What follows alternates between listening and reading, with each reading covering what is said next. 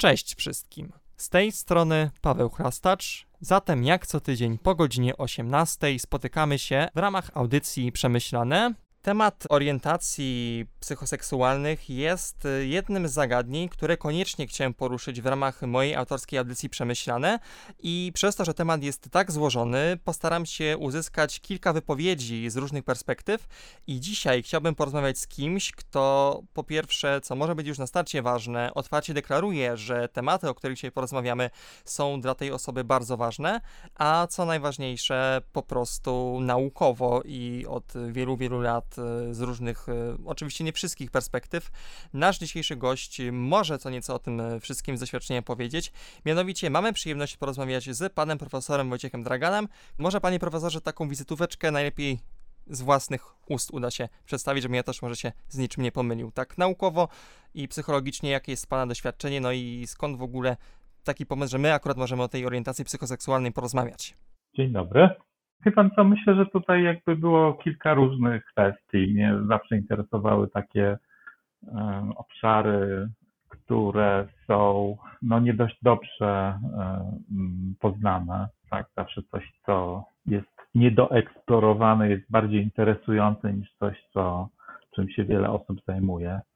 E, to z mojej perspektywy. No a e, to jest też temat taki, który w Polsce jest tematem ciągle kontrowersyjnym, tak? Więc y, moje badanie, o którym Pan y, wspomniał i moje zainteresowania, y, no wychodzą z takiego biologicznego, biologicznych zainteresowań, tak? Znaczy to, czym ja jestem zainteresowany, to są biologiczne podstawy zachowania. Więc tutaj jest jakby taka naturalna, jedna z takich, bym powiedział, naturalna tendencja do tego, żeby się zająć takim obszarem, który no, jest y, ważny tak, dla, dla ludzkiego funkcjonowania i cały czas nie do końca e, poznamy. Więc to taka motywacja. Czym tak naprawdę może być orientacja psychoseksualna? Jak pan by definicję stworzył według swojej wiedzy? No i tak, orientacja psychoseksualna są tak jak wiele różnych e, powiedział, konstruktów, które się odnoszą do ludzkiego zachowania, nie ma jednoznacznej e, definicji. Powiedzmy, że e, współcześnie takim podejściem, co do którego większość badaczy się zgadza, to jest ujmowanie czy widzenie orientacji psychoseksualnej jako taką wypadkową róż. Po pierwsze, orientacja seksualna to są e, nasze e, zachowania seksualne, to są nasze kwestie związane z, e, z pragnieniami seksualnymi i romantycznymi, tak? Czyli to, kogo pożądamy seksualnie, z kim chcemy tworzyć jakąś relację romantyczną, ale to też jest e, nasza tożsamość, tak? czyli to, jak się e, e, identyfikujemy. Czy identyfikujemy się jako osoba heteroseksualna, jako osoba homoseksualna, biseksualna, bądź w jakikolwiek inny sposób. Czyli gdyby zapytać badaczy zajmujących się orientacją seksualną, no to większość by powiedziała, że to są takie trzy składowe, które składają się które budują to, co nazywamy orientacją psychoseksualną. Żadna z nich nie jest samodzielnie nie jest dobrym wyznacznikiem e, orientacji psychoseksualnej, czyli orientacja psychoseksualna nie może być określana tylko i wyłącznie na podstawie zachowania e, ludzi seksualnego, e, nie może być określana tylko i wyłącznie na podstawie ich tożsamości, czy też na podstawie na przykład pożądania, tak, czy, czy pragnień E, pragnień romantycznych. To są takie rzeczy, które no, budują ten, e, jak to się fachowo określa, konstrukt. Co możemy powiedzieć o tym, kiedy orientacja psychoseksualna każdej osoby kształtuje się? Właściwie orientacja, jak mówimy o rozwoju orientacji psychoseksualnej, to więcej nie wiemy niż wiemy. Tak? Znaczy, na pewno o orientacji e, psychoseksualnej no, będziemy mówić u nastolatków i osób dorosłych. Czy możemy powiedzieć o orientacji psychoseksualnej u dzieci? no to jest tak naprawdę otwarte pytanie. Na pewno możemy mówić o jakichś pewnych takich cechach, które no, poprzedzają to, co nazywamy orientacją psychoseksualną. No, to, żeby do, do tego, żeby jakby się zdefiniować tak, pod kątem E, orientacji seksualnej, potrzeba pewnego stopnia rozwoju e, poznawczego. Tak? To, co nazywałem tożsamością, czyli pewnego rodzaju samoidentyfikacja, określenie się, kim się jest, e, tak? kim, się, kim się czuje. I to nie dotyczy tylko wyłącznie kwestii życia romantycznego, tak, czy relacji romantycznych, czy życia seksualnego, no to, to są takie, to, są, to jakby to jest możliwe w, no, wtedy, kiedy człowiek jest e, e, nastolatkiem. To, co nazwiemy taką orientacją psychoseksualną, tak, taką, którą możemy e, ujmować w jakieś takie karby, tak, to, no to, to jest na pewno ten okres nastoletni. To oczywiście nie oznacza, że ta orientacja psychoseksualna nie ma jakichś swoich takich poprzedników, tak? E, e, tak? Czegoś, co poprzedza, poprzedza jej e, ukształtowanie się. To, to co chcę powiedzieć, to to, że, że do określenia orientacji psychoseksualnej, no, jednak jest potrzebna właśnie ta, ta, ta kwestia związana z e, e, samoidentyfikacją, tak, z budowaniem swojej tożsamości, a to mamy okres, e, tutaj mamy ten okres nastoletni. Chociaż oczywiście, jak mówimy o takich poprzednikach, tak, czy wyznacznikach pewnej orientacji seksualnej, no to mamy pewnego rodzaju zachowania występujące u dzieci, już mniej więcej od trzeciego roku e, życia, które są zgodne bądź niezgodne z takim stereotypem e, e, płciowym. I no, mamy pewną grupę dzieci, które przejawiają coś, co nazywamy nonkonformizmem płciowym w, w dzieciństwie.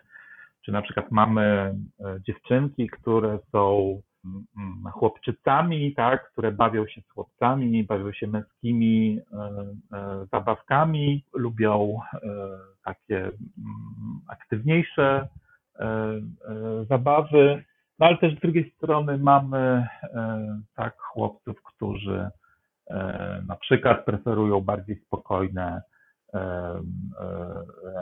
zabawy, tak, czy, czy towarzystwo, towarzystwo e, e, dziewczynek. Czyli mamy pewnego rodzaju kształtowane kulturowo normy e, płciowe, tak? To jak ma się zachowywać chłopiec, jak ma się zachowywać dziewczynka, no ale też mamy dzieci, które, które jakby wymykają się tym, tym normom i tym stereotypom, no i e, mamy coś, co, co, co właśnie fachowo się nazywa tak zwanym nonkonformizmem e, płciowym. Ten nonkonformizm płciowy w e, dzieciństwie może, ale nie musi być wyznacznikiem orientacji nieheteronormatywnej, czyli to, że mamy do czynienia z tak zwanym babskim królem, tak to się kiedyś mówiło na, na przynajmniej jak tak za czasów e, mojego e, dzieciństwa i nastoletności. Tak się mówiło na, na takich chłopców. Po, po angielsku to mówi się sissy boy. To bycie babskim królem nie oznacza, że e, taki chłopiec tak, będzie osobą nieheteronormatywną. Tak? Oczywiście są większe szanse, natomiast to nie jest tak, taka, takie określenie E, taka, taka szansa jeden do, e, do e, jednego.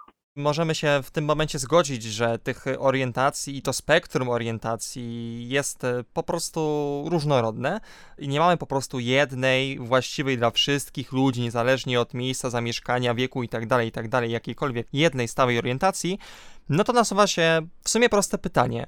Dlaczego my mamy różne orientacje. Dlaczego nie, nie mamy my jako ludzie tylko jednej? Co nauka może na obecną chwilę powiedzieć? E, gdzie szukamy przyczyn, dlaczego tak jest?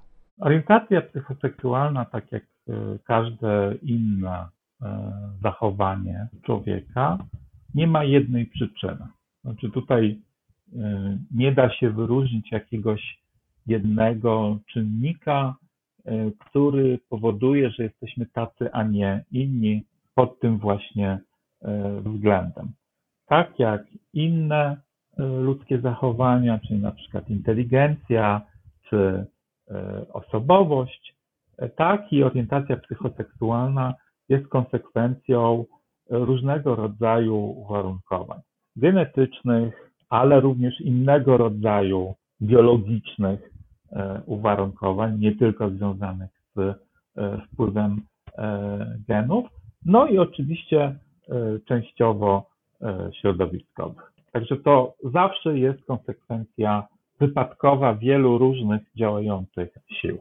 W porządku, ale z drugiej strony nie da się zaprzeczyć, że pańska działalność jako psycholog skupia się na tym, żeby okazywać tej grupie jak najwięcej wsparcia e, i też niedawno na przykład można było przeczytać pański artykuł, który właśnie opisywał to, jak powinny się prawidłowo współpracować z takimi osobami. Zatem może troszeczkę od takiej psychologicznej strony chciałbym profesora spytać, jak to jest, czy w Polsce, czy w naszym kręgu kulturowym, albo może szerzej, no zależy, co tutaj może profesor powiedzieć, e, no co wokół nas po prostu otaczając nas e, tak naprawdę warunkuje to, że myślimy tak, a nie inaczej w danych orientacjach. To jest zawsze taka sytuacja, w której mamy grupę mniejszościową, tak, taką, która się e, wyróżnia inaczej się e, zachowuje, ma inne potrzeby, e, tak i no, to jest jakby e, konsekwencja, bym powiedział, no, takich oddziaływań wewnątrzgrupowych, tak? To znaczy tutaj osoby należące do, do mniejszości no, e, mogą być oczywiście postrzegane w taki sposób e, jako obce, zaliczani do kategorii obcy, nie my. Tak? Więc jak kogoś zaliczamy do kategorii obcy, no to też mamy tendencję do przypisywania pewnych określonych zachowań, tak, czy postrzegania go przez pewne określone E, określone e, e, stereotypy. Za tym się oczywiście za stereotypami, tak, czy uprzedzeniami wobec osób, które nie reprezentują jakiegoś większościowego, większościowej grupy, no też idą oczywiście, też idą oczywiście różnego rodzaju E, bym powiedział, takie akty wrogości, nie tylko słownej, ale i, e, i, e, i fizycznej na przykład, tak? To wszystko jak grupa mniejszościowa, tak, która jest nieakceptowana przez większość społeczeństwa, funkcjonuje, no przekłada się przekłada się na to, co się dzieje z ich e, e, zdrowiem psychicznym. Generalnie rzecz biorąc, możemy powiedzieć, że e, osoby nieheteronormatywne również w naszym kraju no, gorzej funkcjonują psychicznie. Takim dominującym w psychologii modelem, który tłumaczy to, to gorsze funkcjonowanie psychiczne osób nieheteronormatywnych jest model e, stresu mniejszościowego.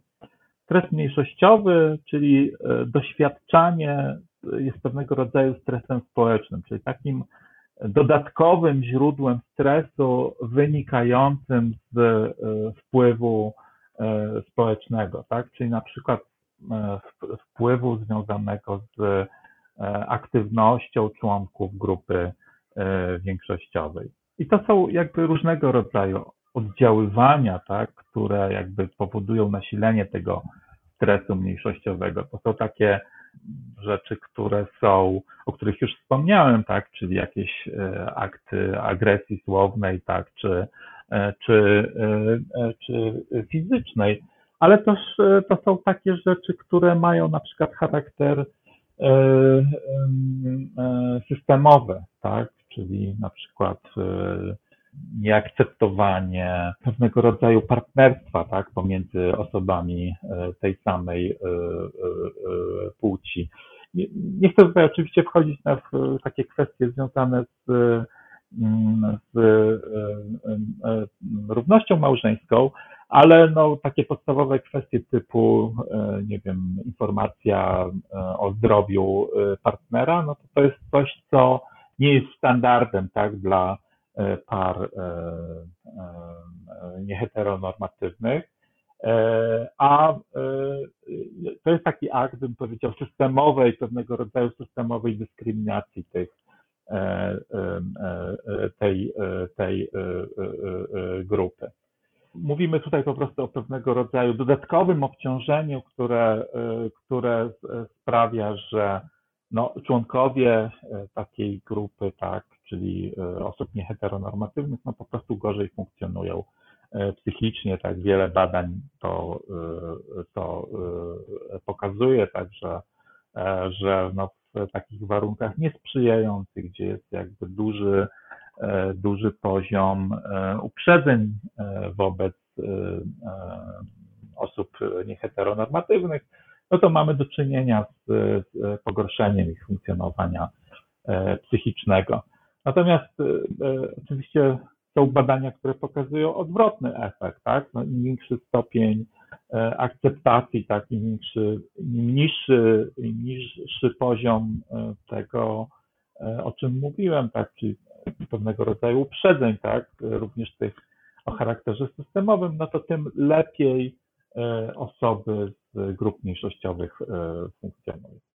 W porządku. Myślę, że tutaj można też odeprzeć argumenty, które na szczęście są coraz rzadsze, ale niestety ciągle są obecne. Mianowicie ekspozycja na właśnie takie osoby, czyli te przysłowiowe, wszędobylskie, demoralizujące parady równości, pokazywanie takich osób w mediach, na czołówkach gazet, no to dlaczego możemy zaprzeczyć, e, że absolutnie z tego powodu to nie jest tak, że nagle będziemy mieć e, falę nie wiadomo jakiej liczby osób, które zmienią po prostu od tak z dnia na dzień swoją orientację psychoseksualną. Jak to możemy sprawnie raz na zawsze, no powiedzmy, odeprzeć? No raz na zawsze tego się oczywiście nigdy nie da odeprzeć, bo są osoby, które są odporne na jakąkolwiek e, argumentację.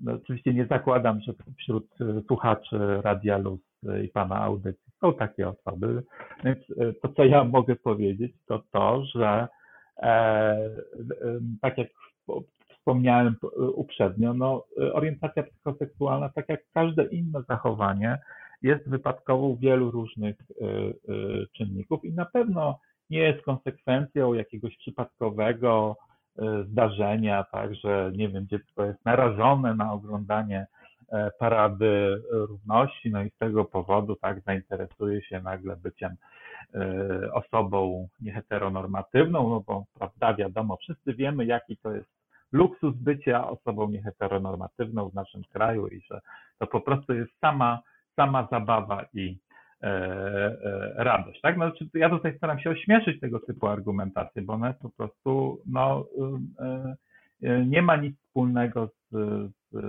z tym, co rzeczywiście wiemy na temat kształtowania się orientacji seksualnej. No a w polskim kontekście, tak, gdzie mamy nie wiem, dane pokazujące, że ponad 60% nastolatków, które mm, deklarują się jako nieheteronormatywne, e, ma e, regularnie myśli samobójcze, no to to jest po prostu śmieszne, e, śmieszne, śmieszne, ale też bym powiedział no, bardzo, że tak powiem, taka podła argumentacja.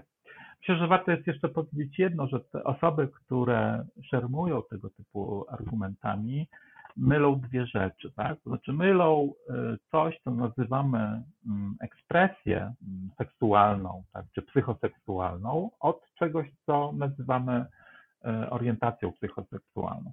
Ekspresja, czyli, czyli to, co ujawniamy na y, zewnątrz, to, co pokazujemy, tak, w, w, w swoim funkcjonowaniu.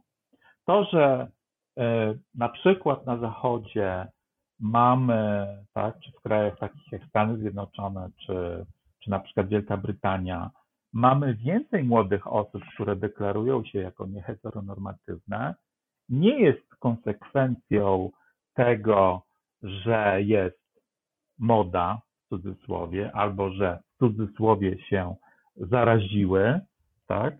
Tylko jest to konsekwencja tego, że mamy bardziej akceptujący klimat, tak? Znaczy, że jest mniej uprzedzeń, że te osoby się nie boją mówić o tym, kim są, kim się czują, tak? To znaczy, że mają ten komfort, żeby pokazać tą swoją ekspresję e, e, seksualną. My nie możemy powiedzieć, że teraz mamy większy odsetek osób nieheteronormatywnych niż był e, kiedyś, bo my tak naprawdę nie wiemy, jaki był kiedyś odsetek osób nieheteronormatywnych, tak?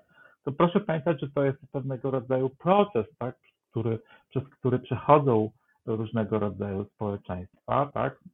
Związany z akceptacją, przyznawaniem pewnego rodzaju praw Y, osobom nieheteronormatywnym. Więc to, że to się zmieniło, tak, te kwestie akceptacji, te kwestie prawne, to też stworzyło taki klimat do tego, żeby y, jakby więcej osób się dobrze czuło w tym, kim y, jest i nie bało się tego pokazywać na zewnątrz, czy deklarować się właśnie jako osoby nieheteronormatywne. Zdecydowanie chcę się tutaj zgodzić i myślę, że ważne jest również to, że w takiej grupie, no też docelowej radia, czyli osób młodych, właśnie taka otwartość, brak lęku przed taką czy ekspresją, czy, czy wyrażaniem swoich konkretnych e, myśli i po prostu wyrażaniem siebie. Czy możemy coś dodać jeszcze takim osobom, które na przykład nagle w swoim otoczeniu mają między takich osób, albo zastanawiają się, ok, skoro na przykład e, do tej pory miałem, e, powiedzmy, taki chłopak jak ja, przyjaciół hetero, i będzie wśród nich już teraz na przykład kolejny, e, który już ma inną orientację, albo ktoś, kto, kto nam będzie bliski. Jak się w tym wszystkim nie pogubić, jeśli spotykamy się po prostu w naszym życiu z taką nową osobą, nowymi osobami? Co tutaj, co tutaj mógłby pan profesor nam doradzić? Hmm, to jest bardzo trudne pytanie, tak? No ja się po pierwsze kiepsko czuję w kwestii e, doradzania czegoś, ale proponowałbym, żeby po prostu potraktować to jako jedną z wielu cech tej osoby. Nikt z nas nie zwraca uwagi na to, czy ktoś jest leworęczny, czy jest e, e, praworęczny, czy ktoś nosi okulary, czy e, nie nosi okularów. Więc możemy spróbować nie zwracać, tak, nie przy, przywiązywać szczególnej wagi do tego, czy ktoś jest heteroseksualny, czy nieheteroseksualny. To jest po prostu jedna z wielu różnych cech określających naszą różnorodność. Ludzie nie są podobni do siebie. Każdy z nas jest inny, każdy z nas ma e, e, pewne cechy, czy nasilenie pewnych cech, których nie ma inna, inna e, osoba. Im szybciej przestawimy się na taki sposób postrzegania orientacji psychoseksualnej, jako po prostu jednego z aspektów ludzkiego funkcjonowania, takiego zwyczajnego, tak? Tym jakby szybciej pewnie dojdziemy do takiego poziomu akceptacji, tak, który no, jest w, w, w krajach, w krajach zachodnich na przykład. Ja, ja myślę, że tutaj ja, e, ostatnio czytałem e, taki wywiad z e, Robertem Biedroniem, który jest od wielu lat ze swoim partnerem. Uderzyła mnie jedna rzecz w tym, w tym wywiadzie. To, co myślę jest jakby doświadczeniem wielu osób nieheteronormatywnych w tym e, kraju.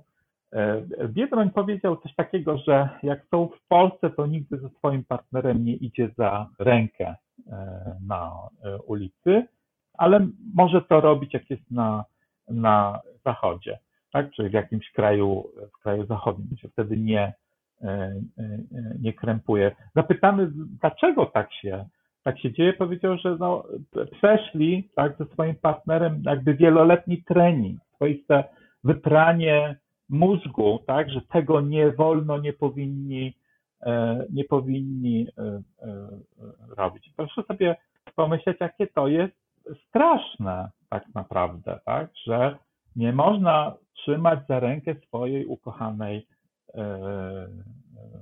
osoby, tak, no bo tego po prostu nie wolno. Myślę, że warto by było, żeby każdy sobie pomyślał, jak to by było, gdyby nie mógł trzymać za rękę swojej ukochanej osoby. Myślę, że spinając już w klamrę to nasze dzisiejsze spotkanie, możemy wrócić do pańskiej pracy naukowej. I ciekaw jestem, jak możemy rozwinąć kwestię, oczywiście z pańskiej perspektywy, z pańskimi doświadczeniami. Dlaczego, czy, czy psychologia, czy, czy nauka y, po prostu ciągle potrzebuje badać to wszystko dalej. Dlaczego? Po pierwsze, e, e, jak pan po prostu, no, żeby to nie zabrzmiało źle, ale no, mają jeszcze sporo do zrobienia. Dlaczego warto to wszystko robić? No właśnie, no to, to, jest taka, to jest takie doświadczenie, którego, że tak powiem, osoby heteroseksualne no, nigdy mieć nie będą, tak? No i chcielibyśmy oczywiście, żeby y, osoby nastoletnie, nieheteronormatywne, no też miały takie, y, takie tego typu doświadczenia, co osoby y, heteronormatywne, tak? Też, żeby mogły, nie wiem, pójść na, na dyskotekę ze swoim chłopakiem czy ze swoją dziewczyną to, to jest taka kwestia no, związana, ja, ja o tym mówię jako psycholog, tak, znaczy mm, przede wszystkim, tak, znaczy jako psychologowi mi przede wszystkim zależy na takim dobrostanie y, różnych osób, tak, psychologowie y, dobre funkcjonowanie y, psychiczne, fizyczne, jest oczywiście jednym, ludzi określają dobrostanem, więc mi jako psychologowi zależy na dobrostanie tej, tej grupy. No i ten dobrostan osób, które są w wieku nastoletnim, myślę, że jest e, e, najważniejszy. Czy to zróżnicowanie jest traktowane jako coś naturalnego, tak? Znaczy ludzie mają tendencję do jakby przypisywania tak zwanej naturalności czegoś, co ma charakter e, biologiczny. Więc E, badania, tak, e, e, które między innymi ja prowadzę, no, pokazują tak, że, że orientacja seksualna jest uwarunkowana czynnikami mającymi charakter biologiczny. Więc z tego powodu jest to, jest to ważne. I, I chyba myślę, że tutaj postawmy kropkę, bo to jest taki główny, naj, naj, naj, naj, najbardziej, że tak powiem, ważny powód, dla którego warto prowadzić tego typu badania, no bo wszystko, co to bym powiedział o poszerzaniu wiedzy będzie oczywiście ważne, ale też będzie takie banalne, tak? I, i e, takie, co tak, taką rzecz można powiedzieć o każdej innym, każdym innym aspekcie e, e, e, nauki, tak, czy badań naukowych.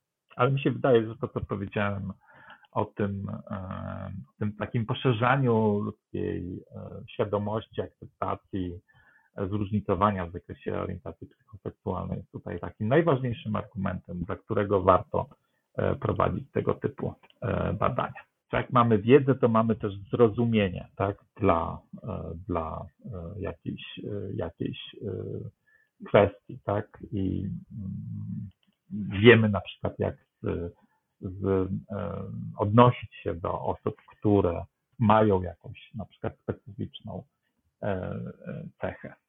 W takim razie dziękuję serdecznie za poświęcony nam czas i liczymy na to, że również w przyszłości, kiedy będziemy mieć jakieś naprawdę warte poruszenia tematy wokół tej tematyki, po prostu zrobimy jakąś aktualizację i miejmy nadzieję, że też e, słuchanie takich rozmów jak ta poszerzy właśnie horyzonty wszystkich osób, które słuchają naszego radia, czy też audycji, którą tutaj co tydzień prowadzę. Dziękuję również i oby do usłyszenia na naszych falach Akademickiego Radia Luz, a z nami był profesor Wojciech Dragan. Dziękuję jeszcze raz za to spotkanie. Bardzo chętnie, dziękuję bardzo za zaproszenie. Dziękuję również i oby do usłyszenia na naszych falach Akademickiego Radia Luz, a z nami był profesor Wojciech Dragan. Dziękuję jeszcze raz za to spotkanie.